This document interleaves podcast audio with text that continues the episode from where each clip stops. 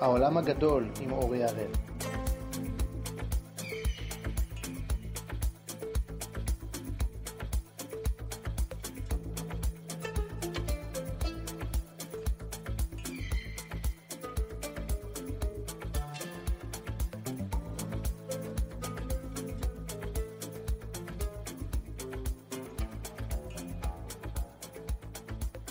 האזנה נעימה.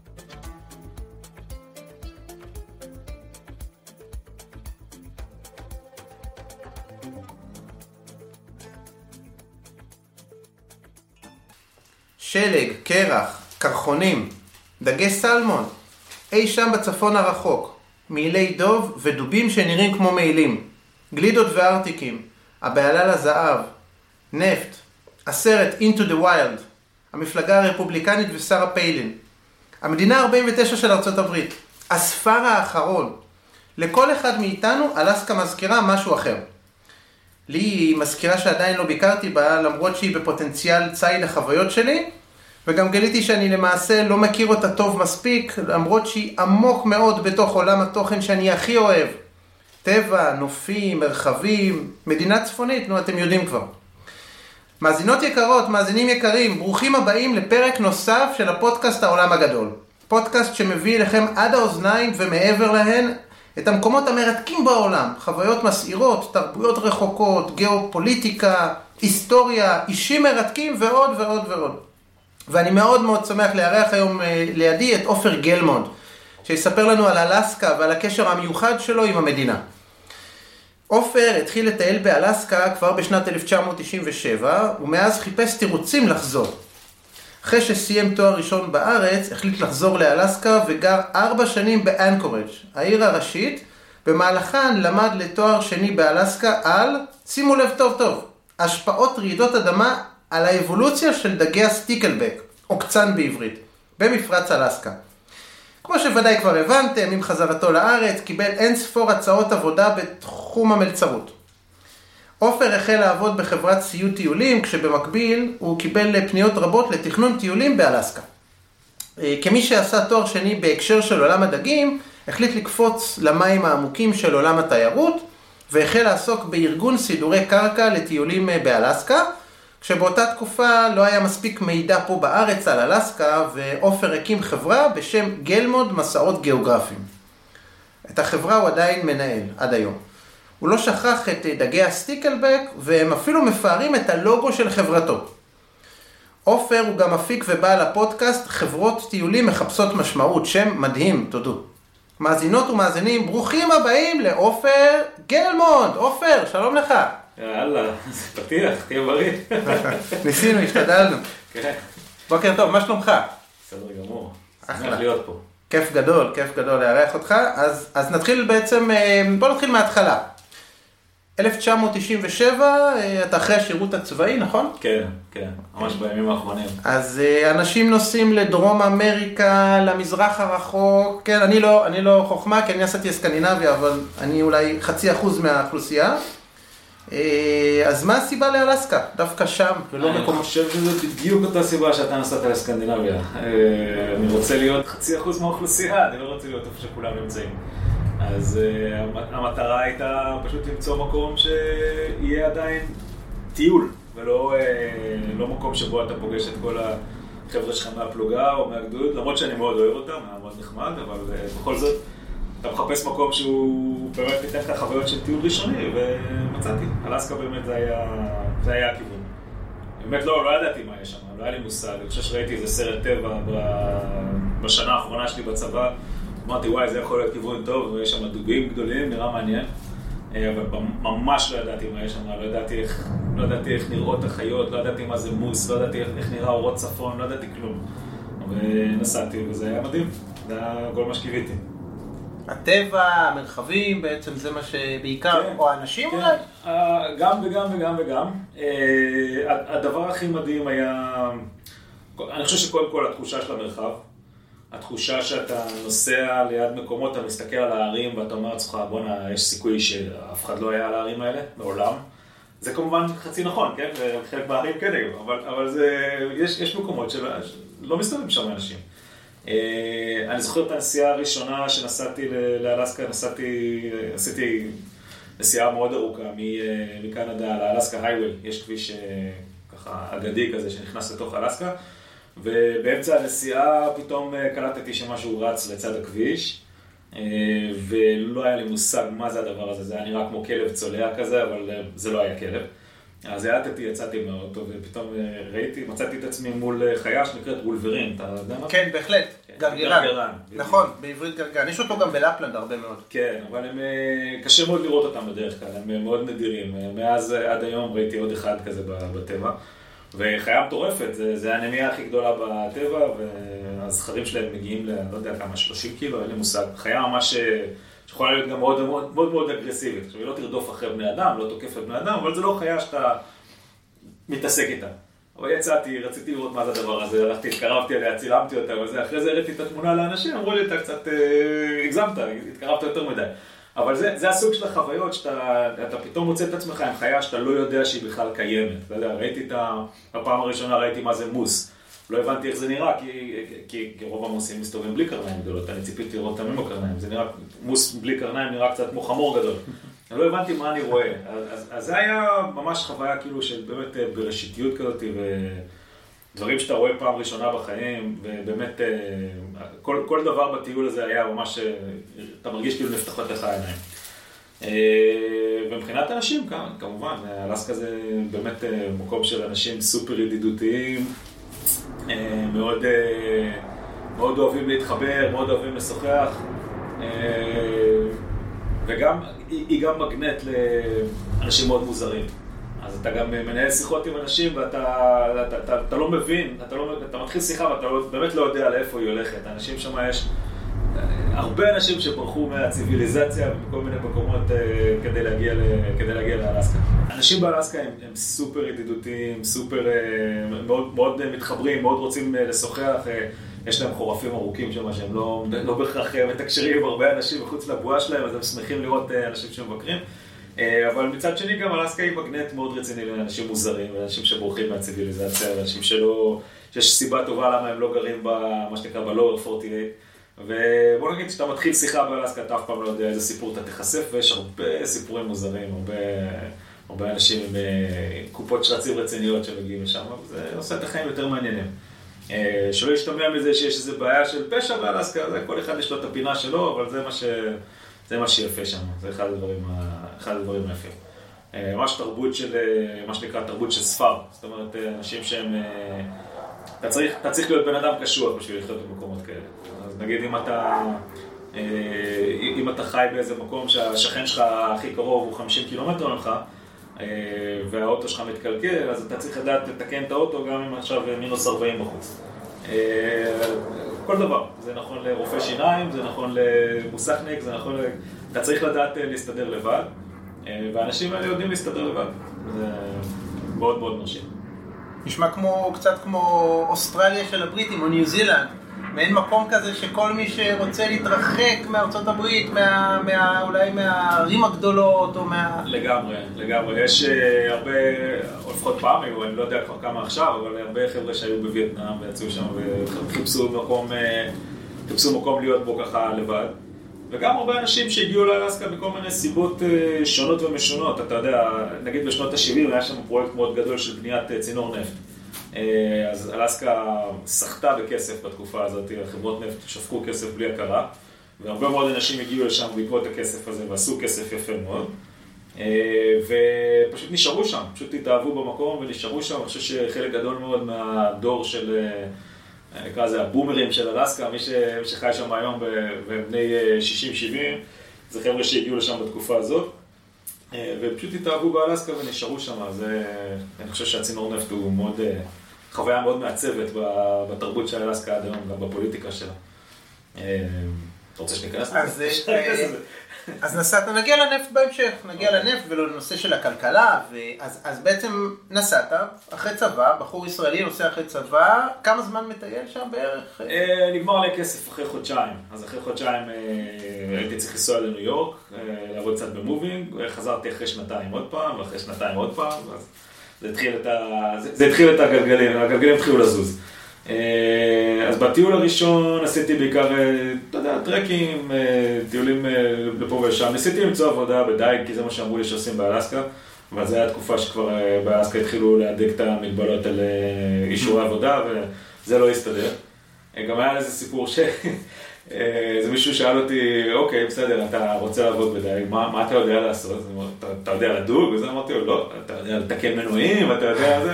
אמרתי לו, לא, הוא אמר לי, מה, מה אתה יודע לעשות? מה עשית בישראל לפני זה? אמרתי לו, הייתי מפקד מחלקת טנקים, זה כאילו, הוא אמר לי, זה לא עוזר לי, אני לא צריך כל כך מפקדי מחלקת טנקים. אז אה, בזה הסתיים החיפוש שלי אחרי עבודה, ופשוט החלטתי לטייל, וזה בדיעבד היה הדבר הכי טוב שיכול להיות כמובן. אה, ו... ואחרי באמת אה, חזרתי משם לניו יורק, המשכתי לטייל, טיילתי בניו זילנד, טיילתי בטיבט, עוד כל מיני מקומות יפים. ושנתיים אחר כך חזרתי עוד פעם. אה, עבדתי פה בארץ בחנות של ציוד טיולים, והיה חורף ארוך, וחיפשתי דברים לעשות, ופתאום נוצר איזה קשר עם מישהו שמטפל ב... שהוא היה מה שנקרא דוג מאשר. אה, מה הוא היה? דוג מאשר, אה, רוכב מסחרות כלבים. כן.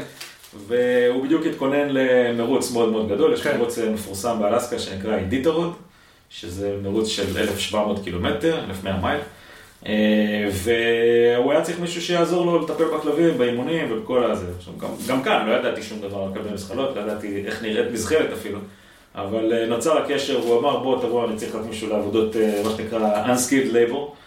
ובאתי, והיה מדהים, באתי באמצע החורף, היה מינוס, לא יודע, 35, כמובן שהמזוודה שלי נשלחה ללונדון במקום לאלסקה, היה כמה ימים קרים, אבל, אבל החוויה הייתה מטורפת, ואתה יודע, עשיתי עבודות אה, באמת של אה, מה שנקרא חטיבת עצים ושאיבת מים.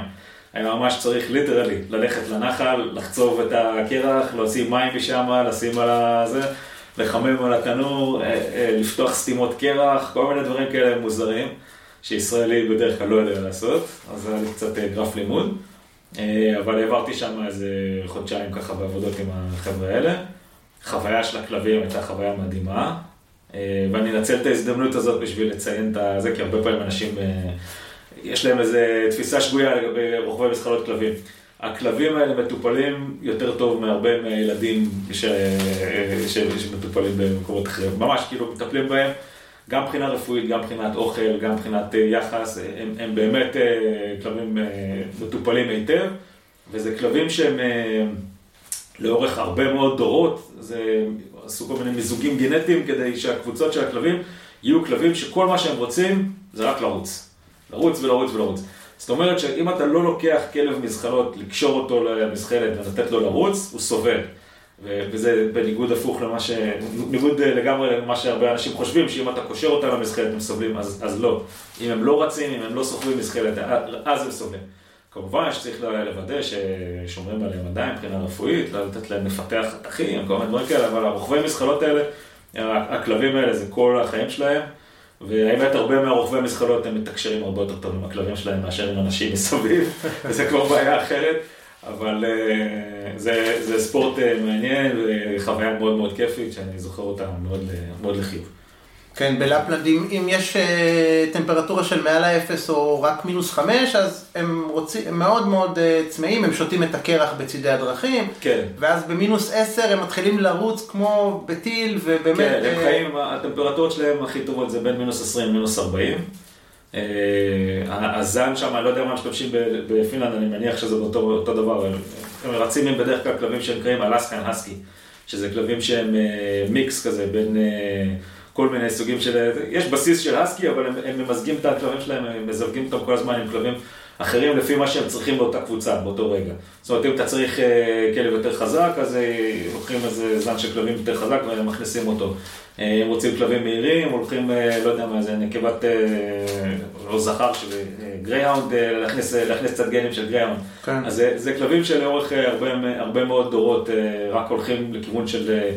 לקחת מזחלות ולמרחקים כמה שיותר גדולים, ועדיין הם סופר ידידותיים, ממש כיפיים. אחת החוויות הכי מטורפות שלי הייתה לשבת שם ולהאכיל את הגורים. אתה יושב בתוך כלבייה ומטפסים עליך איזה שמונה, תשעה גורים של אסקי, אתה יודע, זה... זה, זה חוויה מטורפת. חוויה מדהימה. כן. נשמע, כן. וזה עונתי בעיקר, כלומר, זה בחורף. זה בחורף, בקיץ אה, הרוכבים אה, צריכים למצוא כל מיני שיטות אה, לתת להם לא לסבול לכלבים האלה כי זה קצת חם להם, לשמור על הכושר שלהם בכל מיני צורות, אבל בחורף זה היה, הפרויקט שלי שם זה היה מוגבל עד החורף והמרוץ עצמו היה במרץ, וברגע שהמרוץ הסתיים אז אני חיפשתי דברים אחרים לעשות. כן.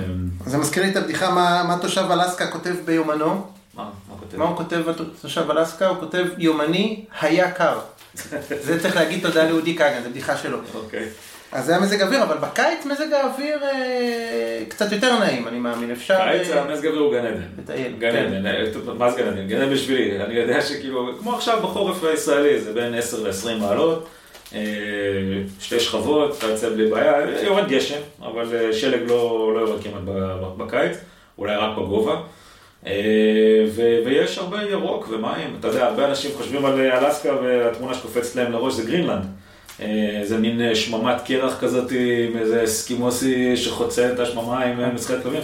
אז זה נכון לחורף, אבל זה ממש לא נכון לקיץ. הקיץ הוא הרבה יותר מזכיר את ניו זילנד, משהו ירוק וזורם ויערות גשם, ובאמת מאוד מאוד מאוד שונה. זהו, יש גם את העונות מעבר. העונות מעבר הן, אה, הסתיו, תכף אני אדבר עליה, כי זו- עונה ששווה התייחסות בנפרד, אבל במקרה הזה, שברגע שגמרתי את הסיבוב הזה עם המסחרות כלבים, אז התחיל האביב, והאביב דווקא באלסקה הוא לא כזה להיט. כי מה שקורה באביב זה שכל השלג שהצטבר במהלך החורף מתחיל להימס, אבל לוקח לו בערך איזה חודש, חודש וחצי עד שהוא יימס, וכל האגמים הקפואים לוקח להם הרבה זמן להפשיר וכל זה. ובזמן הזה אתה לא יכול לעשות לא דברים שקשורים לחורף ולא דברים שקשורים לקיץ. זה עדיין מוקדם מדי בשביל לעשות טרקים ומאוחר מדי בשביל לעשות כל מיני ענפי ספורט שקשורים לשלג. אה, אז אני חיפשתי באותה תקופה משהו אחר לעשות, אז אה, מצאתי את עצמי מתנדב בפרויקט של אה, מה שנקרא Fish and Wildlife Service בארצות הברית, השירות הפדרלי של של הדייג והבעלי חיים, נקרא לזה ככה. אה, בעלי חיים ימיים, או... כן, לא, הם עושים הכל, כל, כל ה wildlife, אבל אה, זה איזשהו, אה, עוד אחת מהסוכנויות הפדרליות שמטפלות במשאבי טבע של ארה"ב, אה, והם אה, מתחזקים איזה תוכנית מתנדבים כזאת, ואני התנדבתי במשך איזה חודש אה, לספור דגים בנחל. עמדתי בנחל, שמכל השמות של הנחל בעולם קראו לו אופר קריק. אה, ו- והנחל הזה פשוט היה באיזה עיירה מבודדת, באיזה מקום שנקרא יאקוטט, שזה בדרום אלסקה, אה, כפר שהוא רובו אינדיאנים. אה, ועמדתי שם בתוך הנחל במשך איזה חודש, כמובן יצאתי מהנחל מדי פעם, אבל הרבה זמן עמדתי בתוך המים. ובנינו שם איזה מין משפך כזה גדול, והמשפך היה מיועד להביא את הדגי סלמון לארגזים, זה היה הדגיגים, הדגיגים שיוצאים באביב, להביא אותם מארגזים ולתייג אותם, כדי שה-Fish and Wildlife Service יוכל לעשות איזשהו פרויקט של אה, מעקב לאיפה הדגי סלמון הולכים במהלך החיים שלהם. עד היום, דרך אגב, זו אחת החידות הגדולות, הם לא יודעים בדיוק לאיפה הם, אה, לאיפה הם הולכים כשהם באוקיינוס. כן. יודעים שהם יוצאים, יודעים שיש להם כמה נתיבים, כל מיני אזורים שהם מסתובבים בהם, אבל לא יודעים בדיוק אה, את ה... עד כמה שאני יודע, לא, לא יודעים את זה בדיוק איפה הם הולכים. אז הפרויקט הזה היה מיועד לזה, זה היה די, זה היה די מדהים. עבדתי שם עם החבר'ה המקומיים, פשוט כל יום הלכנו לנחל, הוצאנו דגים, הדובים היו הורסים לנו את המלכודות מדי פעם, היה צריך לוודא ש... אה, יש שם מינקים, אתה יודע, כן. חורפנים. חורפנים, כן, כן. שהחורפנים האלה גם כן מאוד אהבו לפתוח את הארגזים ולהיכנס פנימה ולהשתולל שם על כל, הדג... על כל הדגיגים שחיכו לנו. אה, אז זה היה, זה היה חוויה מאוד, אה, מאוד מיוחדת גם כן. וכשזה נגמר אז התחיל הקיץ ואז היה אפשר לחזור שוב לעשות טרקים ולטייל שוב. אמרו, הגיע ישראלי, הוא היה בצבא, הוא היה בטנקים, ניתן לו את אופל קריק. עופר קריק, אופל דרך. אגב קריק זה O-P-H-I-R, זה אופיר קריק אה. בעצם. זה אה, גם אופל אמור להיות. מבחינתם עופר זה עופר, כן? הם חשבו שככה זה מהייתי כן. גם את השם שלי, אבל, אה, אופיר, כי כמובן ברגע שמישהו מצא איזושהי חתיכת זהב באלסקה בתקופה בעבר, אז אה, קראו לזה ישר אופיר, כי זה משהו שמופיע בתנ"ך, אה, מכרות ועניינים, אז אה, זה, זה לדעתי מגיע משם. כן, זה- אופיר ותמנע מהדרום, בדיוק. בעצם הכל חוזר לתנ"ך. אז, ארץ אז, התנ"ך. אז לדעתי יש כמה עופר קריק באלסקה. כן, על שיש. הנפט אנחנו נרחיב בהמשך, זה מעניין, כי זה בעצם איזושהי אה, נקודה שהייתה בעלה לזהב תקופה מסוימת. נחזור אליך, בעצם, אה, אתה בעצם נמצא שם כמה חודשים, כן, אז זה היה הטיול השני. מגיע לצומת, אני מעריך. זה היה חוזרים או לא חוזרים? אה, לא, זה היה הטיול השני, בשלב הזה הייתי, היה לי די ברור שאני חוזר, כי הייתי צריך ללכת ללימודים וזה, אבל התחלתי, חזרתי לארץ, התחלתי, עוד טיילתי קצת בדרך וזה, אבל אה, בסופו של דבר אה, עברתי גם דרך סקוטלנד ונורבגיה אהובתך, אה, ואז, ואז באמת נגמר לי הכסף. בנורבגיה נורבגיה- בדרך כלל נגמר הכסף. נורבגיה זה משאבת כסף מטורפת.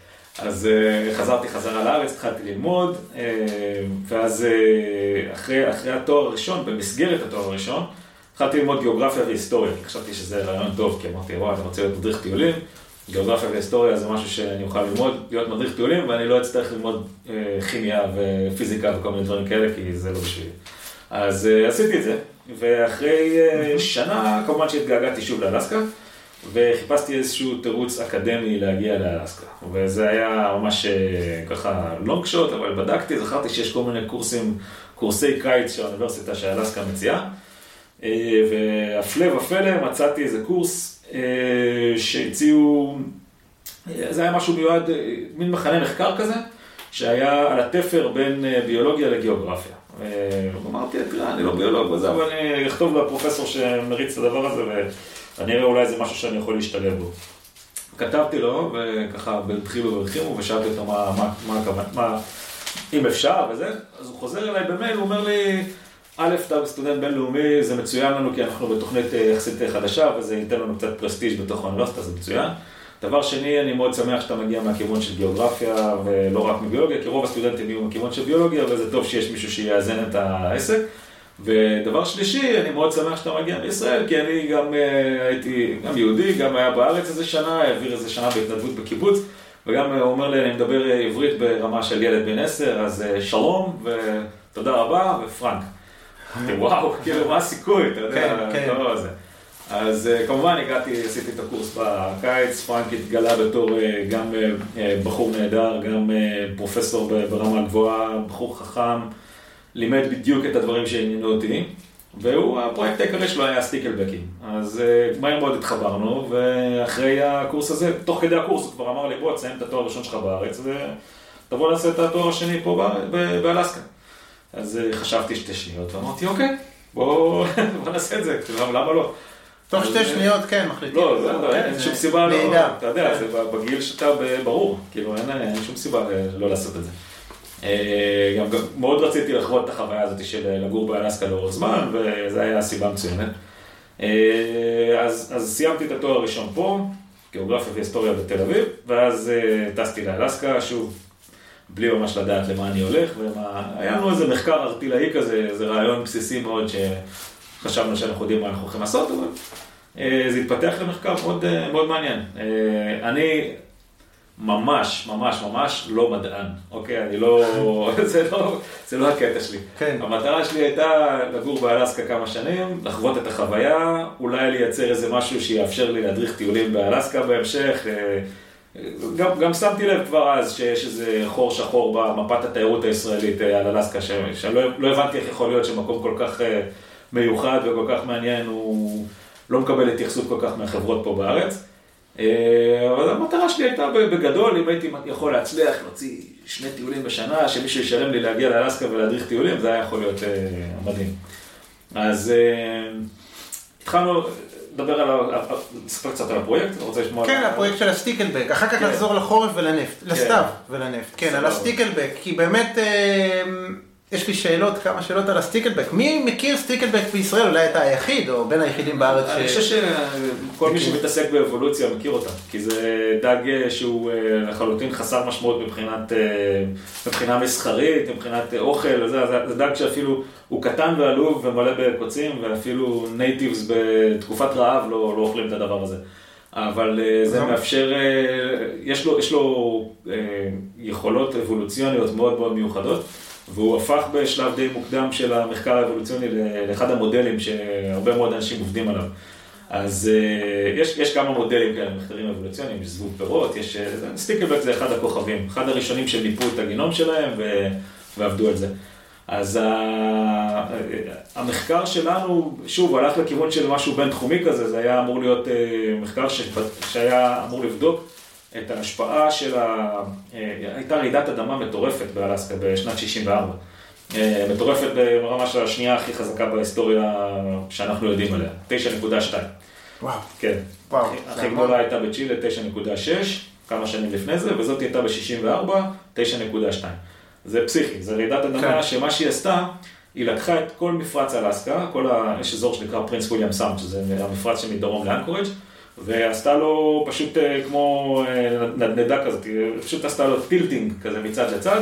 חלק אה, של המפרץ שקע אה, בכמה feet למטה, וחלק עלה, אה, יש נקודות שעלו ב-12 מטר תוך חמש דקות. כן. זאת אומרת הפלטה התעקמה לגמרי.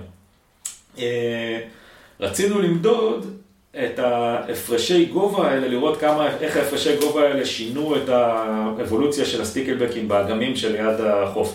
כי חשבנו שפתאום נוצרו כל מיני אוכלוסיות יותר מבודדות, ורצינו לראות אם זה שם הולך לשנות את, ה...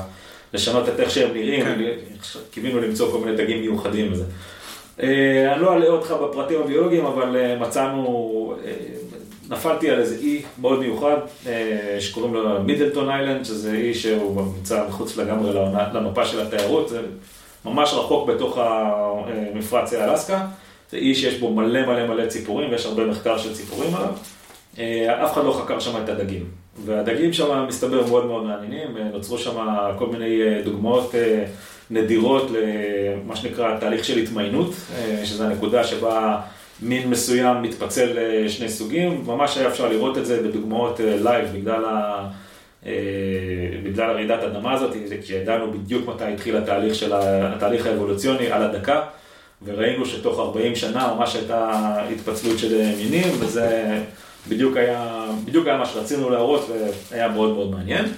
לקח לי איזה שלוש שנים לעשות את התואר הזה, ומבחינתי די סיימתי את הקריירה המדעית שלי בשלב הזה, אה, אבל בתקופה הזאת אה, גם יצא לי להדריך, יצא לי להדריך טיולים אה, בקיץ, אז עבדתי בחברת אה, הדרכה מקומית, חברת אה, טרקים, ו- כן, כן. ועשיתי פשוט כל קיץ, עשיתי טיולי ואנים כאלה, הייתי מדריך... אה, בתקופות- ישראלים או לאו דווקא ישראלים? באיזשהו שלב התחלתי לחבר אותם חברות ישראליות, אבל אה, בהתחלה זה היה אמריקאים. כל רוב הזמן זה היה אמריקאים.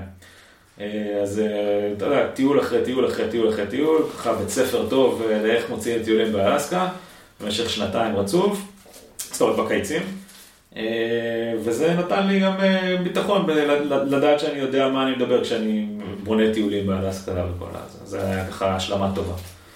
אה, זהו, ואז, ואז אחרי זה חזרתי לארץ, היה לי איזו אפיזודה קטנה בוויקטוריה בקנדה, חשבתי שאני אתחיל שם דוקטורט, אבל זה לקח איזה כמה חודשים, נתתי ברקס וחזרתי לארץ. ו... ואז כשחזרתי לארץ, אז המזל שלי היה זה שכאילו באמת לא, באמת לא מצאתי עבודה, גם לא היה שום, שום כיוון, שמש, משהו שאני יכול אה, לגשת אליו, אבל אה, המזל שלי היה שהיה לי איזה בלוג שכתבתי אותו בעברית בזמן שהייתי באלסקה, והבלוג הזה היה פחות או יותר אחד המקורות מידע היחידים בעברית על אלסקה. אז אה, באותה תקופה כמובן. ואז גוגל תפס את זה, וזה התחיל לעלות בחיפושים של אנשים שרצו לתכנן טיולים לאלסקה, ואנשים התחילו לפנות אליי. וחצי שנה אחרי שחזרתי כבר היה לי ככה מספיק פניות בשביל להגיד יאללה, בוא ננסה לעשות מזה עסק, לא היה לי מה להפסיד. וזה היה מצוין, מ-2010 עד, אה, עד הקורונה, זה מה שעשיתי. מאז הקורונה אני עדיין עושה את זה, אבל אה, בהיקף יותר קטן, פשוט מחכה שזה... חזרה קצרה לסטיקלבק, מצאתי איזושהי כתבה ישנה, אולי אה, היא לא מדעית מאוד, אבל מצאתי שיש לדגי הסטיקלבק העוקצן יכולת למידה אנושית. שמעת על דבר כזה? או שזה... לא, אני לא- אני? לא מכיר- אני לא מכיר דבר כזה, הסטיקלבקים שאני ראיתי לא היו גאונים גדולים, אה, אבל היה להם אה, יכולות אבולוציוניות מאוד מאוד מרשימות, הם, אה, הם פשוט, אני מניח שעדיין יש להם, כן? אבולוציה הישרדותית, כן. כן, הם, הם ברגע שהם, מה, ש, מה שמיוחד אצלם זה שהם יכול, יש מין אחד של סטיקלבק שזה המין שחי באוקיינוסים. בסדר, הם גדולים, הם יחסית, כן, הם יותר גדולים, הם אה, יותר קוצניים, הם צריכים להגן על עצמם מטורפים יותר, אה, והם אה, דג שלא השתנה כבר איזה 18 מיליון שנה. יש. מאובנים כן. ישנים שמראים שהדגים האלה לא, לא השתנו. אבל כל אוכלוסייה כזאת, הרבה פעמים יש להם גם, יש אוכלוסיות ביניים, מה שנקרא, שנקרא, מה שנקרא anad- anadromous. זאת אומרת, דגים שהם חיים באוקיינוס ומטילים במים מתוקים. כן. אז האנדרומוס האלה לפעמים הם נלכדים במים המתוקים. זאת אומרת, אם נגיד דג עלה כדי להטיל במים המתוקים, ואז פתאום הגובה של הנחל ירד, אז האוכלוסייה יכולה להילכד, להילכד בתוך. כן. בתוך האגם. ואז תוך דור אחד או שניים, הם מקבלים צורה אחרת לגמרי. שדור הוא כמה זמן בערך? כלום, אה, זה ש... כאילו פחות? משנה. לא, לא, לא. לא. אבל תוך- תוך עונה אחת אתה כבר יכול לראות את הדגים הבאים שנולדים, זה, זה דגים שהם אה, שונים מאוד. הם הרבה יותר קטנים, אין להם טורפים במים המתוקים, אז הם לא צריכים להיות מוטרדים מה- מהעניין הזה. מצד שני, אין להם מספיק אה, סידן וכל מיני דברים אחרים שהם צריכים בשביל לבנות את השריון הגדול שלהם.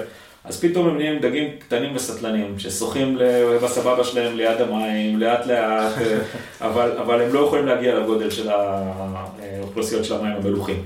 אז רואים את השינוי הזה קורה מאוד מאוד מהר. אה, זה מה שנקרא rapid evolution. כן. אה, אז זה, אז זה הדבר המיוחד העיקרי אצלהם, ויש להם כל מיני אה, תכונות אה, אה, שקשורות לגנטיקה שלהם שהן אה, מאוד מעניינות, מי שמתעסק בגנטיקה, זה לא אני. גם לא אני. כן, אז אה, זה היה, זה היה פרויקט מאוד מאוד, אה, מאוד מאוד כיפי ומאוד מוצלח, אה, וזהו, וזה הסתיים הפרק הזה בחיים שלי. חוץ מהלוגו כמובן, כמו שכתבת. הלוגו חייב להישאר, זה. משהו שאתה היחיד אולי בארץ, או בין היחידים בארץ. שמכיר את העוקצנים האלה. כן, אני אומר לך, יש כמה, אני בטוח שיש כמה מדענים שמתעסקים באבולוציה שמכירים. אותי. כן. כן. אז עבודה סיפרת, על הלימודים סיפרת, אה, מגורים באלסקה, מה, וואו, איפה גרים בדירה שכורה באנקורג', איך אנקורג' מרגישים, איך תראה, האווירה, קודם כל, בתקופה שהייתי עם, עם הכלבים, אז גרנו בכל מיני בקתות מבודדות ב-out of nowhere, כן? in the middle of nowhere, וזה היה חוויה מסוג אחד, אה, ששם אתה באמת צריך לדאוג לעצמך למים זורמים, כאילו אין לך מים זורמים, אין לך, אתה צריך לדאוג להכל. אה, זה לא משהו שהייתי מסוגל לחיות לאורך זמן, גם זה לא מה שחיפשתי כשעברתי לגור באלסקה לתקופה ארוכה, זו חוויה שאתה טוב לחודשיים, שלושה, אבל אה, מעבר לזה, הראת לעצמך שאתה יכול, אתה לא רוצה לעשות את זה כן. יותר. אה, יש אנשים שזה מושך אותם, לא אותי. אז בתקופה שהייתי סטודנט, גרתי באנקורג', ואנקורג' זה עיר אמריקאית לכל דבר. אה, האופי של אנקורג' הוא כזה שאתה יודע, אם אני שם אותך באנקורג' באמצע הקיץ, אתה אומר, אה, היא נראית כמו כל עיר אמריקאית אחרת. היית במינסוטה, היית ב... לא יודע מה, בקולורדו, היית בוויסקונסין, יש עיירות שנראות ככה. downtown, בניינים גבוהים, אני מדמיין, כן. יודע, לא מעניין במיוחד, כן. האמריקאים בונים בצורה של קופסאות כזה, אתה יודע, לא, חסר דמיון קצת. אה, יש כמה ערים מיוחדות בארצות הברית, זאת כן. לא היא. זאת לא היא, כן. לא. קופסאות אבל- שימורים. כן, אבל אה, כשאתה חי שם לאורך זמן, אז יש דברים מאוד מאוד שונים. למשל, אתה פותח את הדלת בבוקר ויש לך שני מוסים יושבים לך על החצר, אתה יודע, כל אחד בגודל של גמל. כאילו... בפרברי העיר, אני בתוך מתאר. העיר, יש בתוך העיר ממש אוכלוסייה של... במרכז העיר. בתוך העיר יש אוכלוסייה של איזה משהו כמו 700 מוסים. וואו, יש אוכלוסייה מאוד גדולה של וואו. אה, דובי גריזלי, שמסתובבים, דובים שחורים. אה, יש, יש בן אדם שהוא אחראי מטעם העירייה, או מטעם ה-fish and game, מה שנקרא, שהוא אחראי על טיפול בבעלי חיים של אלסקה, ועל כל החיכוך בינם לבין האוכלוסייה המקומית, והבן אדם הזה הוא מאוד עסוק. יש לו הרבה, הוא כמו, אתה יודע, כמו אצלנו שהמכבי אש צריכים להוריד חתולים מהעץ מדי כן. פעם, הוא צריך להוריד דובים. מוריד דובים, מוריד כן. דובים, מוריד דורבנים, מוריד, אה, אתה יודע, יש מדי פעם איזה mountain lion ומסתובב באיזה עיירה. וואו. יש, יש, אה, יש להם, כן, חיות קצת יותר כריזמטיות ממה שיש אצלנו. אתה יכול לעמוד בצומת, הצומת הכי שוממת באנקורג' ואתה יודע, פתאום חוצה לך את הכביש, איזה מוס ענק עם קרניים עצומות, אתה יודע, עדים ככה יוצאים לו זה מהאף. נותן כזה. משמעות מיוחדת לצומת עמוס, לגמרי. כן. כמו צומת הפיל אצלנו. צומת הפיל. כן, אז, אז שם אשכרה חוצה לך, אתה יודע, בוס פתאום מולך. אה, דובים וזה, ממש כאילו, הכל יכול לקרות.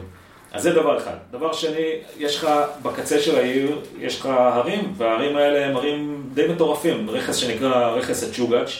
אה, יש state park מאחורי העיר, ואתה יודע, אנשים אה, מכורים לטיול במקומות האלה. אנשים שחיים באלסקה, גם באנקורג', הרבה מהם מאוד מחוברים לטבע.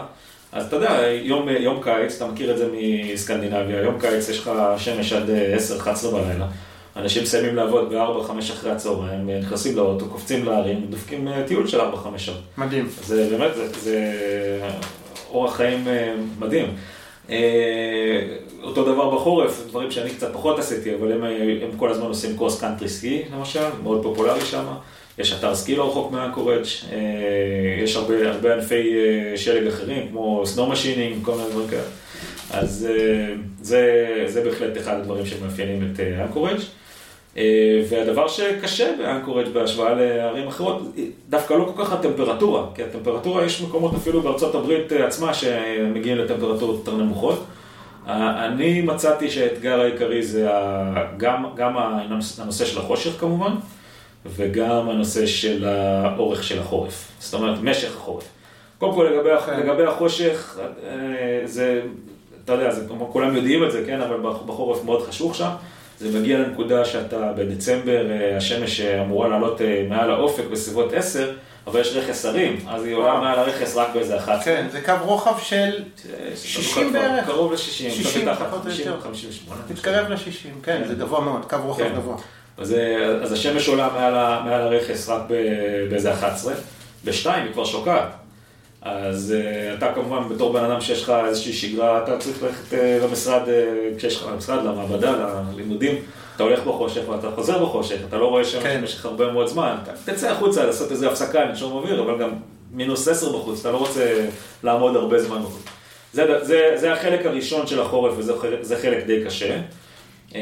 בכל התקופה של עד ה-21 לדצמבר, עד היום שהכי קצר בשנה, אתה מאבד ממש כמות משמעותית של אור כל יום. אתה יכול לאבד משהו כמו 7 דקות של אור.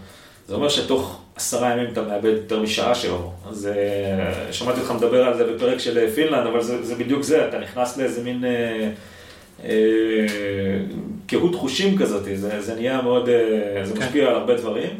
אה, ואני אישית בתקופה הזאת, אני גם הייתי במצב שהיה לי לו"ז די, די רך כזה של לימודים, הייתי יכול די לשחק עם זה. ומצאתי את עצמי גם אה, במצב שהשעות שלי קצת התהפכו. כי הייתי מדבר עם חברים שלי בסקייפ בארץ, ו...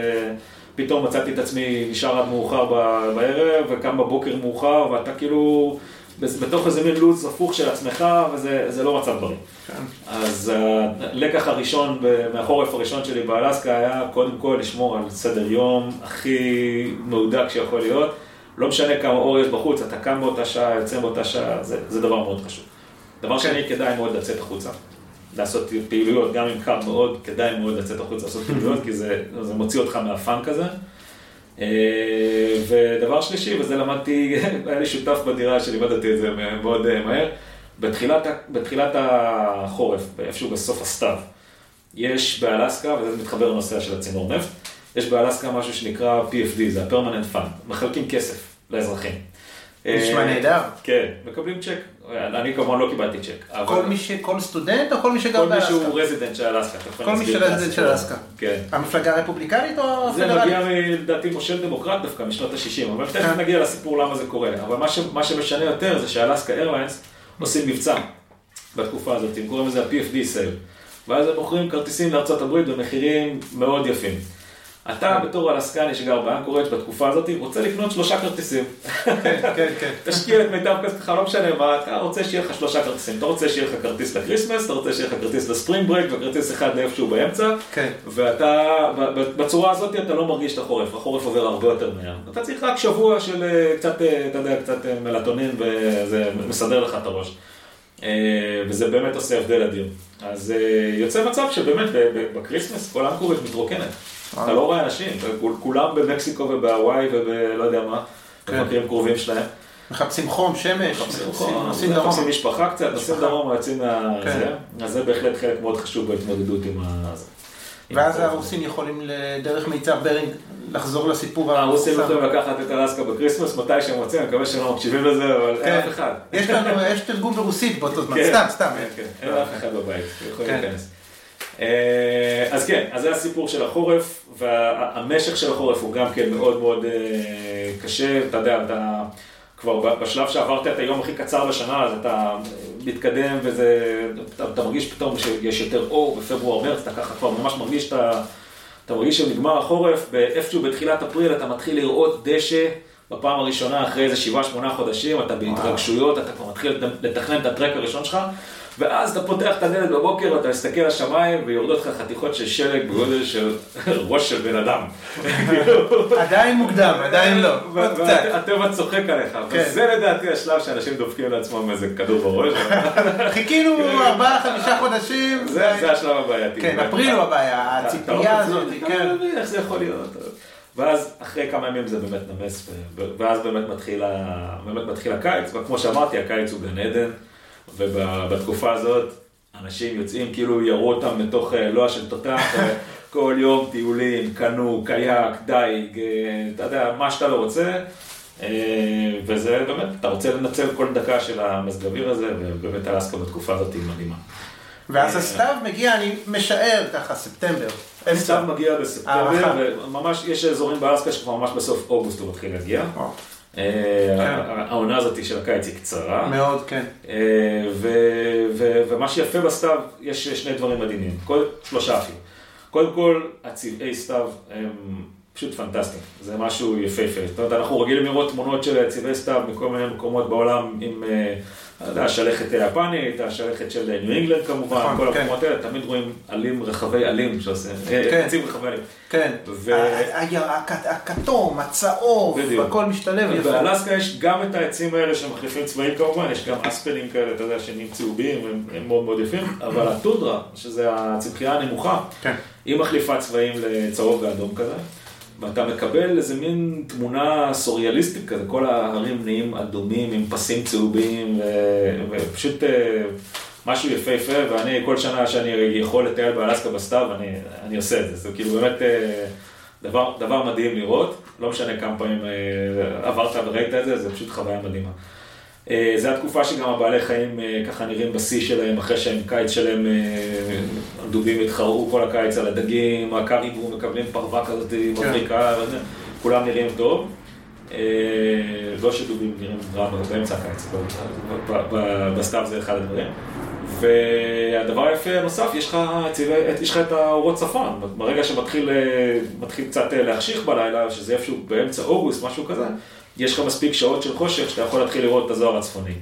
וזה, אני לא צריך לספר לך, אני מניח שראית כמה כן, פעמים. בהחלט כן. זה מרהיב. הדבר הכי קרוב. מתחבר תמיד לפינלנד, ללפלנד, לא. והנה פתאום יש אותו גם באלסקה. לא. חבר'ה, אפשר גם באלסקה לראות אותו, לא צריך לנסוע עד פינלנד. לגמרי, לגמרי אפשר באלסקה, וזה, תשמע, הפעמים הראשונות שאתה רואה את הדבר הזה, זה חוויה, זאת אומרת, אתה יודע, יש, יש רמות, כן? הזוהר הצפוני יכול להופיע בתור איזה מין קשת ירוקה די עלובה כזאת בשמיים, ואם אתה נופל... כן, ירוק זה הבסיס, זה צבע הבסיס של כן, זה הצפוני. אורורה בוריאליס. כן, הירוק זה החמצן, והתגובה של הצבע... סליחה, הירוק זה החנקן. החנקן, זה הבסיס שלו, ומפה כן. זה מתפתח. עם החמצן, אז התגובות יותר אדומות, סגולות, וכל מיני זה, וזה מייצר משהו שהוא, אתה יודע, חוויה דתית, כאילו, אתה, אתה מסתכל על השמיים, נדלקים לך מסביבך, והכל וילונות של אור, והבהובים, ורץ מכל, ממקום למקום, אתה פשוט, אתה בתוך uh, תמונה שאתה אומר לעצמך, ברור שאם הייתי נייטיב אלסקן, אם הייתי איזה אסקימוסי שנולד כאן, ברור שהייתי חושב שזה האבות שלי מדברים אליי מהשמיים, כאילו אין שום הסבר אחר לדבר כן, כזה. כן, כן. אה, ממש ככה, כן. אז, אז אה, זה באמת חוויה מטורפת, וזאת אלסקה מבחינתי, אתה יודע, זה הדברים הענקיים האלה, דברים כאילו ש... אתה אתה חווה דברים בענק באלסקה, אתה עומד בתוך אה, שמיים מלאים באורות צפון, או שאתה יוצא לטייל בקיץ ויש לך את השמש באמצע הלילה, או שאתה מוצא את עצמך ליד איזה נהר עצום שאף אחד לא היה בו אף פעם, זה, זה, זה אלסקה, זה הטבע של אלסקה וזה ה... פארקים הלאומיים, אני כשהייתי קטן קראתי על דנאלי, על הפארק הלאומי הגדול עם הפסגה הכי גבוהה בצפון אמריקה. כן, כן, והתמונות מרשימות כל כך, כל מי שיכול לדמיין, זה זה גוש, גוש רציני. פשוט מקום מדהים, מדהים, אחד הפארקים היפים בעולם אפילו נחשב. תראה, דנאלי, אני, זה, לכל מי שמתכנן, כל מי שמקשיב לתוכנית ומתכנן... נגיע טיול גם. לתכנון עוד מעט, כן. כן, אבל דנאלי, דנאלי הוא, אה, יש לו יתרונות וחסרונות. אם אתה מגיע לשם לכמה ימים אתה תחווה באמת דברים מדהימים, אבל אה, הרבה מאוד מהאנשים מגיעים לשם בגלל צורך תכנוני, מגיעים לשם ליום אחד של טיול בתוך השמורה. ואז יש לך אה, אוטובוס של השמורה שלוקח אותך פנימה והחוצה. אה, אתה יכול לשלב טיולים ברגל, אתה יכול לעשות כל מיני דברים, אבל אה, אם אתה לא נופל על יום שבו אתה באמת רואה את ההר, ולא תמיד אתה רואה את זה, ההר- ההר זה יוצא מהעננים פעם בשלושה ימים. ואם אתה נופל בטעות על, על יום שבו לא ראית את הבעלי חיים, יש שם באמת מלא בעלי חיים בשמורה כן. הזאת, יש דובים ויש מוסים וקריבו וזאבים ושועלים וכבשי הרים וכל זה. אבל אתה יכול להעביר שמונה שעות באוטובוס ולראות כמה כבשי הרים מרחוק ובזה יסתיים הטיול. והשמורה הזאת היא מקודמת אה, מאוד חזק, בעיקר על ידי חברות קרוז, שרוצות לשלוח את המטיילים שלהם כן. לחבילה של פוסט קרוז אחרי השייט. ויוצא מצב שהרבה אנשים קצת מתאכזבים. אז, אז אה, אני קודם כל רוצה לציין, אין סיבה להתאכזב, השמורה הזאת היא מדהימה. מי שמשלב טיול ברגל בדרך כלל מאוד ייהנה, גם בכל מזג אוויר וגם אם לא היה לו מזל עם הבעלי אה, חיים. אבל אם אתה נכנס בתוך ציפייה שזה הולך להיות סרנגטי של הצפון, ואתה חושב שאתה נכנס לשם ויחכו לך עשרת אלפים זברות בתחתית העמק, אתה יודע, וג'ירפות וקרנפים, זה לא יקרה. זה טיסה לטנזניה, מה שאתה מתאר. כן, בדיוק, טיסה לטנזניה. אז עדיף לנסוע ליותר מיום אחד. כן, אם אתה יכול להיכנס שם כמה ימים, זה מדהים. יש אה, לוג'ים בתוך השמורה שאתה יכול אה, לשהות בהם כמה ימים, אתה צריך לשלם הרבה כסף. אה, אבל זה אפשרות, יש אפשרות לעשות קמפינג בפנים. אם מי שמגיע מקרוון יכול להגיע עם, עם קרוון ולחנות בתוך השמורה, שזה חניון שאתה יכול לעצור שם לשלושה לילות, לעשות שם טיול היום. אבל רוב האנשים אין להם זמן במסגרת של תכנון של טיול של, אתה יודע, רובם מגיעים לשבועיים. אז רוב האנשים לא יהיה זמן להעביר בדנאלי יותר מיום. אז ההמלצה שלי זה בהחלט לשלב את דנאלי, אה, לקוות למזג אוויר טוב ולמזל עם הבעלי חיים, ולשמור על set of mind אה, נכון, לא לדמיין שיש שם משהו שאין שם, אה, ופשוט מה שמקבלים, לשמוח עם זה. זה... שזה תמיד נכון. כן, בעיקר כשהם מחפשים בעלי חיים. גם במקומות כל כך צפוניים, תמיד צריך לזכור שאתה לא יודע מה מזג האוויר יהיה, הוא יכול להאיר לך פנים, והוא יכול להיות מאוד לא לעניין, ומי כמוני מכיר, מקומות מדהימים, אנשים מגיעים לשלושה ארבעה ימים, ושלושה ארבעה ימים יכול להיות גשם רוב היום, ואז... אה, נכון, מזג האוויר באלסקה הוא שחקן, אין, ספק. בטיול של אה, שבועיים בדרך כלל אתה תראה את כל הסוגים של המזג אוויר, יהיה לך ימים גשומים, ימים אה, של שמש, יהיה לך הרבה ימים גם של גם וגם. אז... סיפור או משהו על המנטליות המקומית, על האמריקאי, האלסקאי, איזשהו אה, משהו מצחיק או איזושהי חוויה תרבותית שהייתה לך שם? אני יכול לספר לך מה שסיפרתי על הדגים כן. שאספתי שם, אז אה, אחד החבר'ה שעבדתי איתו היה נייטיב אה, אינדיאני. כן. יש, באזור הזה זה אינדיאנים של מה שנקרא שבט הקלינקית. הוא די ככה, כמו שאתה יכול לדמיין, פרצוף אינדיאני. אה, והוא גם היה יוצא וייטנאם, היה בווייטנאם, היה לו תמיד גם איזה מין אה, בנדנה כזאת של צורת דגל ארה"ב אה, קשורה על הראש, כן. קלאסי. וקבל כאילו איך, איך, איך, איך החבר'ה האלה חושבים, כן, הנייטיבס האלה, ואני אומר את זה לא בשיפוטיות, אלא באמת, זה, זה מאוד, הם חושבים לחלוטין שונה מאיתנו. אז הבן אדם היה בווייטנאם, ואתה יודע, לקחנו לו כמה ימים שעבדנו ככה ביחד, וזה באיזשהו שלב התחילו להיפתח איתי, האוכל שהחבר'ה האלה היו מביאים לעבודה זה דבר מדהים, הם היו מביאים ביצי שכפים וטובלים אותם בשמן כלבי ים. והם היו מביאים משהו שהם היו קוראים לו פופקורן אינדיאני, שזה אצות אה, מיובשות, מקופלות, אחד הדברים הכי דוחים שאכלתי בחיים שלי, אבל, אבל אתה רוצה להיפתח לזה, הביצי שכפים דווקא היו די טובים. אה, זה דברים שאסור לאנשים אה, אחרים חוץ מנייטיב אה, לאכול אותם, אסור, לך לאסוף ביצי שכפים. כן, כן, וואו. כן, אז זה מותר להם, יש להם איזה מין, בקטע של שימור תרבותי, כן. מותר להם לעשות את זה. בכל מקרה, איזה יום אחד הוא, עבדתי איתו עם מייק כזה, הבחור הזה, עבדתי איתו לבד, והוא ככה נפתח, והתחיל לספר לי, הוא אומר לי, תשמע, אני הייתי בווייטנאם, עשיתי שלושה סבבים וזה, בסבב השלישי הייתי בסייגון, הייתי בחיל הקשר, התאהבתי שם באיזה בחורה, והייתי איתה ביחד, ו... ויש לי אפילו ילד ממנה. ואחד הדברים שמציקים לי מאז וייטנאם ועד היום זה שאין לי קשר עם הילד, ואני חייב ללכת, אה, אני מרגיש שאני ממש חייב ללכת כן. לחדש את הקשר איתו וזה. הוא אומר לי, ואני בחרתי את הספינה שלי, את הפישינג בוט שלי, ואני כאילו ממש רוצה לעשות את הדבר הזה. אני עושה לו, מייק, אתה יודע כאילו איך קוראים לילד? הוא אומר לי, לא. אני אומר לו, אתה יודע איך קוראים לאישה? אני לא בטוח, אני לא. הוא אומר לי, אני הולך להתאבד על זה, אני הולך לנסוע ולמצוא את האישה הזאת. ואז איזה כמה שניות של שקט, אז הוא אומר לי, או שאני אסע לדיסנילנד. אה. אבל הוא לא צחק.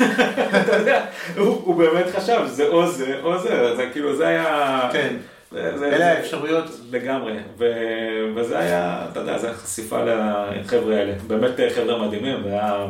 גם איך שהם חווים את הטבע ואיך שהם מחוברים לטבע זה דבר די מדהים. אתה יודע, הוא מסתכל על מוס בצורה אחרת לגמרי ממך. אני, אני כאילו, יצא לנו מוס מהשיחים שם בזמן שאנחנו עובדים. אני אומר, וואו, מוס, הוא מסתכל על המוס, הוא אומר, "מ, המוס הזה רזה מדי, עבר עליו חורף קשה, אתה יודע, לו איזה... כן, קלאסי, ניסיון. קלאסי, כן, כן. כן, אז זה היה חוויה חוויה מדהימה. אה, רצית לדבר על הנפט קודם. כן, נפט אה, מקושר מאוד עם אלסקה, בעלל הזהב, כן. תקופה כזאת שפתאום אנשים נהרו לאלסקה ויישבו אותה, באופן יחסי. אז כל מה שקורה באלסקה לאורך השנים, אה, הכלכלה של אלסקה וההיסטוריה של אלסקה זה הכל בבומים, בסדר? קודם כל הייתה תקופה מאוד ארוכה שלא היה שום בום, היה אוכלוסייה של. אה, באיזשהו שלב הלבנים התחילו להגיע, הראשונים היו בסוף המאה ה-18, הרוסים הגיעו לשם, משלחת של ברינג. אה, באיזשהו שלב אה, התחיל בום, הבום הראשון היה של הרוסים, כשהם אה, גילו שיש שם פרוות של סי אוטרס, של לוטרות ים, שהיו אז מאוד פופולריות לכובעים וזה. אז הם עשו בום רציני וכמעט השמידו את כל האוכלוסייה של הסי אוטרס, בנס החיה הזאת החמודה הזאת ניצלה, אה, אבל זה היה הבום הראשון. בסוף התקופה של הרוסים האוכלוסיות שלהם כמעט נמחקו, ואז הרוסים כבר הבינו שיש להם פחות מה לחפש שם. אה, והם אה, גם הגיעו למצב שגם גם לצאר הרוסי היה מאוד קשה להחזיק את הרוסים שם, לש- לשמר שם איזשהו חיל אה, מצב רוסי. אה, וגם אה, התחיל להיווצר מצב שהיה ברור שאם הם לא ימכרו את זה, אז או אנגליה או ארה"ב ישתלטו על זה באיזושהי צורה. אז הם פשוט עשו את העסקה הכי טובה שהם היו יכולים לקבל באותו זמן, והם מכרו את זה לאמריקאים, 7.2 מיליון דולר.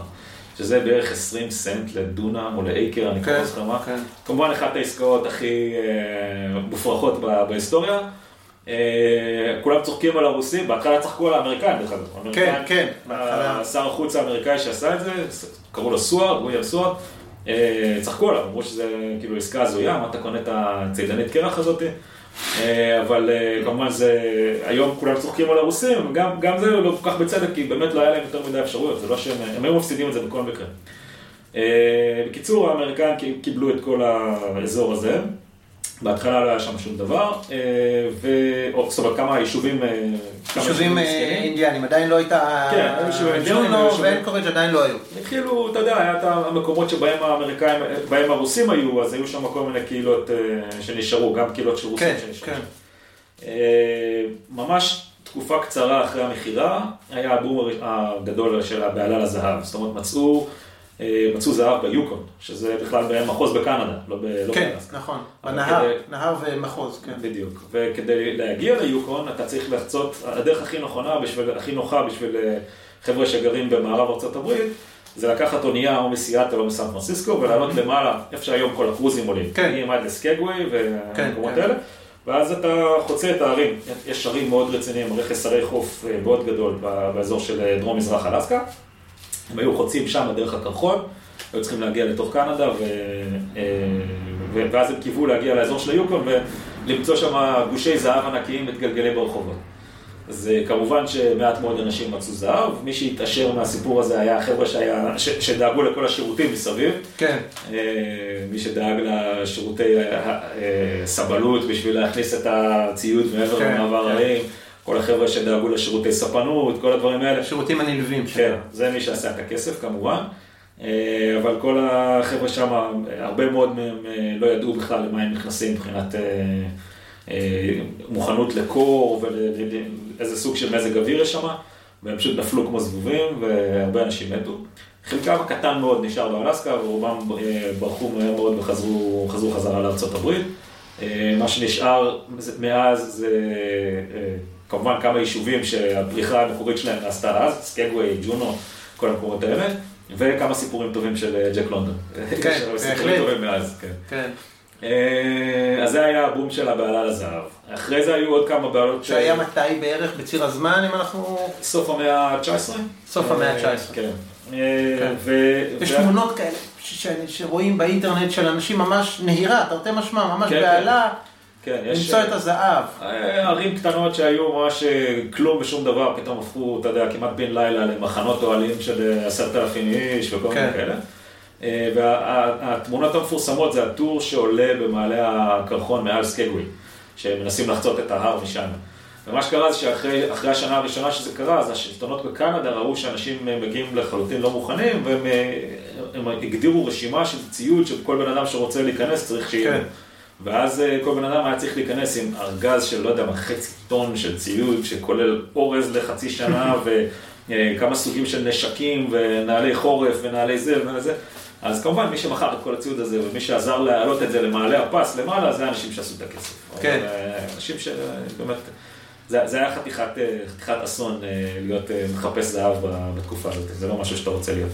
כן. אנשים קשוחים. אה, אחרי זה היו עוד כמה מקומות אחרים באלסקה שמצאו בהם זר, אבל זה היה ככה, יצר הרבה עלות אה, יותר קטנות אה, מזה. ואז עברו כמה שנים, ב...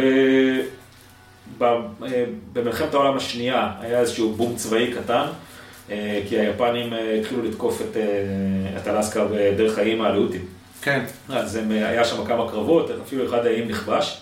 זה היה אמור להיות איזה מין תנועת הטעיה של היפנים, אבל האמריקאים בתגובה, האמריקאים והקנדים בנו כביש כדי שיוכלו להביא את הצבא, כן. אז הם בנו כביש, אה, את האלסקה הייווי, שזה כביש מאוד מאוד ארוך שהולך היום. בנתיב, כן, כן. על נתיב שהוא נחשב די בלתי אפשרי, בנו אותו תוך שמונה חודשים. וואו. כן, כן, אז וואו. מלחמה, מלחמה זה תמיד נותן אה, בוסט רציני נכון. לזה. כן.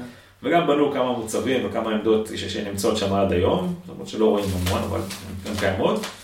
אה, והבום הגדול הבא היה הנפט. והיה גם דייג כמובן, כן? דייג אה, תמיד היה באלסקה והלך והתפתח לאורך השנים, אבל הבום של הנפט התחיל בשנות ה-60 כשמצאו את הנפט, וה... 1860. לא, לא, לא, לא, לא, לא, 1960. 1960? כן, ב-1950 או 51, אני כבר לא זוכר, סליחה על הטשטוש, אה, אלסקה קיבלה את המעמד שלה כמדינה.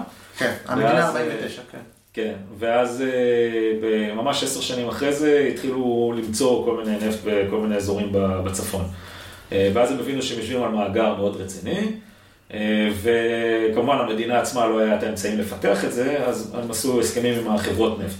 ויש איזה תאגיד של כמה חברות נפט מאוד גדולות, שיש להם לכולם זיכיונות אה, קריאה שם בצפון, וההסכם שלהם עם מדינת אלסקה זה שהם מפרישים אחוז מסוים של הרווחים לטובת המדינה. המדינה, אה, יש לה מה שנקרא permanent fund, שזה הקרן שהרווחים האלה הולכים לשם.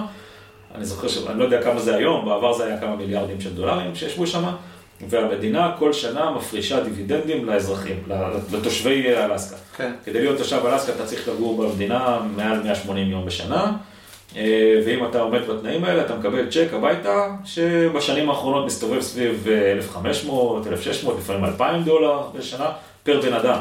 אז אם אתה... אה, כולל ילדים. כל אחד. כן. כל אחד, אז כל אם אחד. אתה, אורי, יש לך אישה ושני ילדים, אז יש לך 8,000 דולר בשנה, רק מעצם זה שאתה חי באלסקה. לא רע. לא רע. אה, נשקול את זה אחרי השיחה? כן, חלק מהאנשים, אה, חלק מהאנשים מוציאים את זה, אתה יודע, כל שנה קונים טרקטורון חדש, או איזה, לא יודע מה, רובה חדש לאוסף, אבל מי שמשקיע את זה בשכל, עושה מזה קרן, אתה יודע, לילד לקולג', כן. זה בהחלט כלי מאוד נחמד. בהחלט. אה, וכמו שאמרתי, מעודדים אה, אנשים לגור שם. או לקנות כרטיסים לסתיו, במהלך החורף. כן. אז זה זול, אז אפשר בקלות. כן, יותר. בדיוק. זהו, אז זה, הנושא של הנפט. אה, דרך אגב, אחרי הנפט היה גם בום נוסף, שזה הבום הנוכחי של הקרוזים והתיירות. אה, כרגע הקרוזים בהולד, אה, כן. בשתי העונות האחרונות, אבל, אה, כן. אבל גם התיירות יצרה בום אה, רציני, וזה כמובן, אה, אה, הייתי אומר שזה הבום האקולוגי הראשון, אבל אני לא חושב שהתעשיית קרוזים היא כל כך אקולוגית, אז אה, לא, לא ניכנס לנושא הזה. נכון. זה אולי יותר אקולוגי מנפט ומ... אה, אתה יודע, קריאה של מחצבים, אבל אה, זה עדיין יש לה את החסרונות שלה. כן. אז, אבל התיירות היום מחזיקה חלק גדול מאוד מאלסקה, גם תיירות, גם נפט עדיין, למרות שכבר לא במספרים של מה שהיה בעבר, אבל עדיין כמובן מאוד משמעותי לכלכלה של אלסקה. יש קריאה של מחצבים בכל מיני מקומות. היה פעם תעשייה של עץ, היום כבר פחות, הרבה פחות מזה. אה, זהו, זה מה שמחזיק. והתחממות גלובלית, מרגישים שם באלסקה, הרי המקומות, רואים נקודות. הספר הם הנקודות הכי הכי כן. בעייתיים, ציינת את רואים גרינלנד. בעיניים, רואים בעיניים. תשמע, קודם כל, יש את הנושא של הקרחונים. כן, בדיוק. אז, אז אה, קרחון, אני לא רוצה להציג את זה כאילו נסיגת קרחונים היא תמיד אה, אינדיקציה להתחממות, כי זה לא בדיוק הכי פשוט, אבל, אבל נכון, בגדול, נכון. במקרה הזה, במקרה הזה זה כן. אה, וזה, אתה רואה קרחונים, דברים שאני ראיתי בטיול הראשון שלי ב-97, הם היום חצי ממה שהם היו, אתה יודע. בוא נגיד ככה, אלסקה מכוסה, יש לה שטחים מאוד גדולים שמכוסים בקרח, יש רכסי ערים מאוד גדולים שייקח עוד הרבה מאוד זמן עד שהקרח שם ימס, אבל הקרחונים הנמוכים, אלה שהם מגיעים, אה, אתה יודע, שאתה יכול להגיע אליהם בקלות עם האוטו כן. וכל הזה, הם היום, אה, אתה יודע, נגיד יש קרחון מפורסם שנקרא קרחון אקזיט, ליד העיירה סיוארד, שאתה ממש יכול היה לטפס. באקזיט כרגע, הוא יצא. הוא עשה אקזיט, הוא כן. עשה אקזיט. הוא עשה אקזיט. הוא היה אחד האתרים המפורסמים באלסקה, אותו דבר קרחון אחר שנקרא פורטג', שהיית ממש מגיע עם האוטו והיה מרכז, אה, מרכז מבקרים, שאתה, כן. המרכז מבקרים עדיין שם. במרכז מבקרים בפורטג' היו עושים הקרנה של סרט על, ה, על הקרחון, ואז כן. היו גוללים את, ה, אה, אה, את המסך למעלה, והיית רואה את הקרחון מולך. אבל אה, לפני 20-30 שנה הקרחון כבר לקח את הסיבוב, וכבר לא רואים אותו. וואו. אז הוא וואו. שם, הוא שם, כן, אתה צריך כן. פשוט לעשות אה, מאמץ הוא כדי להגיע. אליו. קטן בצורה משמעותית, זה כן. קורה בכל העולם. אתה יודע, כן. לפני חודש או חודשיים היה באיסלנד, היה דקה דומייה לקרחון שנעלם, אני לפני שלוש שנים ראיתי אותו, קטן מאוד, נקרא אוקיי, שזה קצת אירוני גם. כן, not okay anymore. Not okay anymore, היה- הייתה דקת דומייה כי הקרחון נעלם. כן. וזה לפני שלוש שנים אפשר לראות אותו, קטן אבל אפשר היה לראות אותו, ובשלוש שנים, שזה זמן מאוד מאוד קצר בחיי אה, כן, כל, אה. גם בחיי בן אדם, לא רק בחיי קרחון. זה כלום. החברות אה, קייקים למשל שאנחנו עובדים איתן, הן, אתה יודע, מוציאות טיולים היום במקומות שלפני אה, 10-20 שנה לא היו נגישים בכלל. כן. לא, לא היית יכול להגיע לשם עם קייק, היה. אה, יש לך, זה באמת עדויות בלי סוף לנסיגה של קרחונים, זה הכל במעקב מאוד מנוטר היטב. אז זה בעיה, זה בעיה בעיקר ויזואלית, אני יודע, זה לא, זה כמובן מעלה את גובה פני הים וזה, אבל זה, זה, זה אישו אחד, אתה יכול, אה, יש כל מיני מקומות אחרים שסובלים מזה הרבה יותר, וכל השינויי אקלים, כל הכפרים ה- האסקימוסים בחוף המערבי ובחוף הצפוני של אלסקה, שהם הרבה מהכפרים צריכים למקם את עצמם מחדש עכשיו, בגלל שהחוף משתנה, הזרמים משתנים, אה, יש סטיפה של אה, מקומות, מקומות שהכפרים האלה היו עליהם, אה, אני לא יודע כמה עשרות ומאות דורות, ועכשיו הם צריכים לשנות מיקום ולזוז משם, כי פשוט הצוקים שעומדים עליהם אה, נסחפים לגמרי. יש שינויים בפיזור של בעלי חיים כמובן, אה, יש, יש הרבה דברים. עמוס לא- שמצטמק ש... עמוס באלסקה דווקא אה, יחסית האוכלוסייה שלהם במצב, אה, במצב מצוין, אבל אתה יודע, יש, יש הרבה מאוד בעלי חיים שסובלים ונעלמים. נבטנים באוקיינוס הצפוני, כל מיני... כן. אבל חלק מזה זה מההתחממות הגלובלית, חלק מזה זה מקידוחי נפט שמפריעים להם, אתה יודע, יש כל מיני דברים שמתנגשים. סך הכל באלסקה התמונה היא, היא הרבה יותר ידידותית מאשר מקומות אחרים, שהם, אתה יודע, ששם אין ניטור ואין אה, זה. באלסקה סך הכל הרשויות מאוד אה, מקפידות, אם אתה רוצה לעשות איזשהו קידוח, אתה צריך להוכיח, להוכיח, אה, לעבור הרבה מדורים של אה, הוכחות אקולוגיות, שאתה לא עושה נזקים, וזה. אבל, אבל כמובן, בסוף הדברים האלה עושים נזק. שים נזק, בהחלט נקווה ש... כן. שדברים יתוקנו עם השנים כמה שאפשר. אתה יודע. הסוד המלוכלך הוא שכשיש הרבה אנשים. כן, זהו, לכן לא היתרון. של אלסקה שהיא יחסית פחות אה, נכון. מיושבת, וזה נכון. יתרון מאוד גדול, וגם אם אני לא טועה, ממה שאני זוכר את המפה, רוב האוכלוסייה בדרום דרום מרכז בדרום, אלסקה. כלומר, החלק הארי של אלסקה, שמעבר לחוג הקוטב הצפוני גם, לגמרי. הוא האזור הבאמת אה, שעדיין, הוא, הוא, הוא התקווה שלנו, גרינלנד ואתם, זה התקווה, אה, גרינלנד כן. ואלסקה. כן, בוא- התקווה בוא שלנו ש- בוא נקנה שטח בצפון לפיירבנקס ונעבור לשם בעוד כמה שנים. אני, אחרי הסיפורים שלך, אני חושב שזה הדבר הבא שאני אעשה. אה, כן, צריך להתכונן יש. סיכויים כאלה. חורף לא- לא חם, אבל בסדר. אז לקראת סיום, יש לך חברה, שאני מכיר אותה גם מהחברה הגיאוגרפית אה, שעובדת איתה, שנקראת אה, גלמוד מסעות גיאוגרפיים. אה, אמרת מ-2010, כלומר אה, כן. עשור. כן. לא חוגגים כי זה קורונה, אבל יש עשור. כן, מציינים, אבל לא חוזרים. מציינים עשור, וטוב, בגילנו כבר לא, לא חוגגים כמעט. כן. כמעט, או שכן, מי שרוצה, ו... ובעצם מה, ספר קצת על החברה, מה אתם מציעים, איזה סגנון טיולים. אצלנו, קודם כל, רוב העבודה שלנו זה מול מטיילים עצמאיים. זאת אומרת, אה, נגיד זוג או רביעייה, לא שני שני, שני זוגות באים אלינו ורוצים שנעזור להם לבנות אה, תוכנית טיול לאלסקה. אנחנו יושבים איתם, נכנסים לעומק של הדברים, רואים בדיוק את התאריכים שהם נוסעים, מה הם רוצים לעשות, מתי הם רוצים לעשות, בונים אה, תוכנית הכי מפורטת שאפשר. שלב ראשון, לא הכי מפורט, שלב ראשון רק כזה מתווה. ברגע שסוגרים את זה עם הלקוחות, אנחנו עושים את הטיפול בשירותי קרקע. אה, שזה כל הלינות, כל הסיורים, כל הצרכים של התחבורה. זאת אומרת, אנחנו משאירים לבן אדם לדאוג לטיסות בעצמו, אבל אנחנו אלה שמתעסקים, מהרגע שנחתת באלסקה עד שסיימת, אנחנו נעשה לך את הכל. אה, ואנחנו גם כמובן נותנים תמיכה 24/7, כי כמו שאמרנו קודם, אלסקה זה מקום שהמזג אוויר הוא שחקן רציני, נגיד אם בן אדם רצה לעשות טיול של צפייה בדובים, שכרוך בטיסה במטוס קל, אז אה, אם יש לך מזג אוויר בעייתי, אתה צריך לשנות תוכניות. אז אנחנו נותנים תמיכה גם אה, במהלך הקיץ, אם יש איזשהן בעיות כאלה, אנחנו עוזרים לעשות אה, שינויים בהזמנות וכל מה שצריך. מדריכים מקומיים, מארגנים, כן, כל השירותי קרקע ו... כן, אנחנו לא עושים כאילו, רוב האנשים לא צריכים הדרכה, כי מה שיפה באלסקה זה שיש לך מדינה שכמו שדיברנו עד עכשיו, טבע מטורף, מאוד מאוד שונה מכל מה שאנחנו רגילים, אבל תשתית אמריקאית. ואז אתה לוקח רכב שהוא רכב טוב, נוסע על כבישים, כבישים טובים, השילוט באנגלית, הכל ברור, הכל אה, מאוד, אה, מאוד נוח. אה, אבל כשאתה מגיע למקומות שבהם צריך מדריך, נגיד אם אתה רוצה לעשות טיול על קרחון, אם אתה כן. רוצה לראות דובים בטבע, אם אתה רוצה לעשות, לא יודע מה, סיור קייקים, כל מיני דברים כאלה, אז שם אתה פוגש מדריכים והם מוציאים אותך לטיול יום כזה. זה מה שרוב האנשים עושים. יש כמובן גם הרבה וריאציות אחרות, אנחנו יכולים לדאוג לכם, אתה יודע, לדאוג לאנשים לצאת לטרקים של כמה ימים, מי שרוצה, ודברים כאלה. מעבר לזה יש לנו טיולים מאורגנים, שהטיולים המאורגנים שלנו, אני חושב שהם מאוד שונים ממה שאנחנו, ממה שיש בשוק במקומות אחרים. זה טיולים שהם מוגבלים עד 12 איש. אה, המדריכים שלנו זה חבר'ה ישראלים, אבל הם מכירים את אלסקה מעולה, כאלה שהיו שם הרבה פעמים. שגרים שם או באים לא, לארץ? לא, בעצם? לא, אז הכשרה, אתה יודע, שאנחנו עשינו, אבל כן. אה, חבר'ה שבאמת מכירים ברמת ה... הם יודעים שאם הם יוצאים מאנקורג' והם רואים שיש גשם בהאצ'ר פאס, הם יודעים לאיזה סככה להגיע לקחת אותך לעשות שם כן. את ארוחת צהריים. איפה יש אגם שיש לו סככה שאפשר לשבת שם ולעשות את זה. כן. כאילו ברמה באמת הכי מפורטת שיכולה להיות. אה, וגם חבר'ה נחמדים כמובן.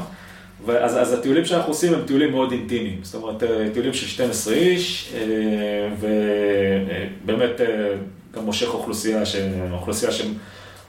בוא, אנחנו כולם, כולם יודעים, אלסקה זה לא יעד זול, אז אנחנו צריכים אה, אנשים שמוכנים לשלם את המחירים האלה, אבל אה, זה מושך אנשים שבדרך כלל כבר טיילו הרבה וראו הרבה ומחפשים ככה יעד אה, שהוא הדרגה הבאה. אה, ואנחנו משלבים המון המון המון סיורים בטיולים שלנו. כל דבר החל מצפייה בדובים, טיסות נוף מעל שמורות מטורפות כאלה, לראות את כל הבראשיתיות הזאת מהאוויר, טיולים על קרחונים, הכל, אנחנו מכניסים את זה בטיולים שלנו, ובאמת הפידבקים, אה, הפידבקים מצוינים. הטיולים האלה כבר רצים כמה שנים טובות, ובוא נגיד בשנה האחרונה לפני הקורונה הוצאנו שישה כאלה, אני מקווה שנחזור למספרים האלה מהר ברגע שהדברים אה, יתאזנו. אה, כן.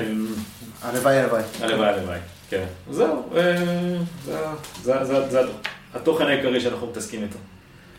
כל מי שאוהב מקום מסוים, הוא מחובר למקום מסוים, השאלה שהכי מעניינת אותי תמיד לשאול, או השאלה שתמיד ככה זורקת אותך ישירות לתוך החוויה, או המקום שהשארת את לבך. מה המקום שהשארת את לבך? מקום שעכשיו אני לוקח אותך, עופר, ואומר, אבל רק מקום אחד, ובזמן מאוד מסוים. וואו. זמן או, או מקום או זמן אה, במקום. לא, יש, יש כמה מקומות, יש כמה מקומות, אבל אה, אני נמשך בעיקר באלסקה למקומות, ה, אתה יודע, הפחות מוכרים, היותר, אה, גם באלסקה, שהיא כאילו לגמרי off the beaten path מבחינת התיירות העולמית, כן. אז גם בתוך אלסקה יש מקומות שהם יותר תיירותיים ופחות תיירותיים. אז אה, יש איזה שלוש או ארבע עיירות, אם אני אגיד לך את השמות, אני לא יודע אם זה יגיד לך הרבה, אבל יש את רנגל, יש את אה, מקארתי, יש את אה, קורדובה, ואני יודע מה, נגיד מקארתי וקורדובה הייתי אומר, זה, זה השלוש ה... שמות של אנשים, דרך אגב, שלושתם.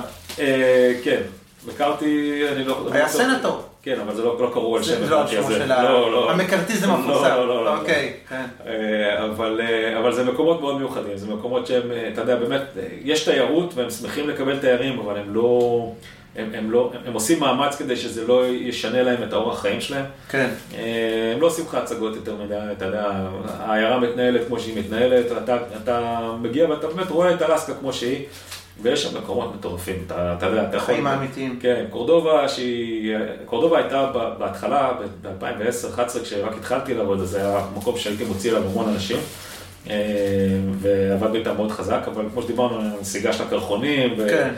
והטבע שם מאוד דינמי, ונוצר מצב שעכשיו כבר הסיורים שהיינו עושים ב-2010-2011, עכשיו הם פחות אה, מוצלחים, פחות, אה, פחות אפשר לעשות אותם. אז פחות יוצא לי להגיע לשם, אבל זה מקום שאני מתגעגע אליו. אה, ומקומות אחרים, רנגל ומקארתי, זה באמת מקומות מדהימים שאתה יכול לצאת משם לכל מיני סיורים, ברנגל אתה עושה צפייה בדובים, שאתה מגיע ממש לתוך נקודה ביער, ואתה אתה יושב שם ואתה האורח, יש לך מסביבך איזה 15-20 דובים מסתובבים, ואתה פשוט אה, בתוך ה... זה לא כמו לראות, אה, זה לא כמו לראות דוב חוצה את הכביש ביוסניטי. זה כאילו. אתה, אתה באמת בא בסרט האמיתי. אה, אז, אז זה, זה המקומות שאני באמת אוהב. זה גם המקומות שאחרי זה אנשים, אתה יודע, מתרגשים מהם, זה מה שזוכרים בטיולים האלה כשאתה חוזר מהם בחזרה. נכון, נכון, פחות את השמות, כן. אני יודע מהניסיון שלי, של המטיילים שלי, כן. גם פחות את השמות, אבל את המקום, את החוויה, וזה משהו שבאמת אה, נשמר להם לאורך, אה, לגמרי. לאורך זמן. וואו, עופר, וואו, מרתק, מדהים, ואני כבר השתכנעתי לנסוע, לא הייתי עדיין. כבר היית משוכנע לפני 20 שנה, אבל... אני משוכנע תמיד לנסוע למקומות של טבע, נוף, אה, כל מה שתיארת בעצם, ומי שעדיין לפני ששמע את השיחה לא היה בטוח, או חשב, אז הוא עכשיו יודע בדיוק לאן לנסוע וגם עם מי לנסוע, אז אה, אני מאוד מאוד ממליץ על אה, עופר אה, לטייל איתו, וכמובן שבסוף, ה- במלל של הפרק גם אה, נכניס את הפרטים איך יוצרים קשר עם החברה של עופר. בשמחה.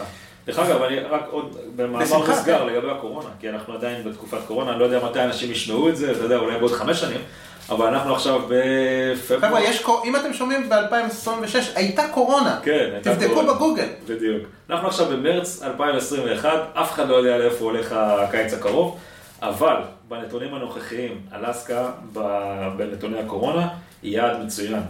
והסיבה שאני אומר את זה זה א', כי ארה"ב לא סגורה. אלסקה הייתה פתוחה גם כל, אה, כן. כל הקיץ האחרון, כן. מי שהיה רוצה היה יכול לנסוע. כן. אה, ארה"ב לא סגורה, נתוני תחלואה בירידה, אלסקה היא אה, אחד המקומות הכי מחוסנים בארה"ב, עד הקיץ יש לך חיסון כבר באחוז מאוד משמעותי. מחוסנים, זאת אומרת, מחוסנים אה, מחוסנים, פייזר, דאגו, real כן, deal, כן, כן. דאגו עושים ל- שם מבצע מאוד רציני. של חיסונים, כן.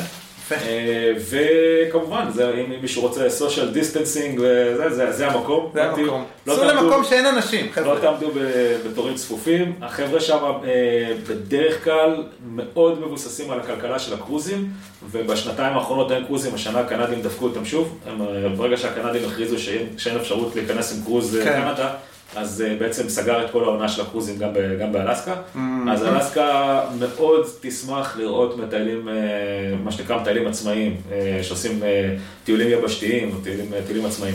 אז uh, השנה באופן מיוחד יהיו פחות אנשים מסביב, הספקים מאוד ישמחו לראות, לראות את, את המטיילים, ובניגוד ליעדים אחרים, כל ה... אתה יודע, ניו זילנד, אוסטרליה, המקומות שאנחנו רגילים להוציא לשם טיולים וכאילו...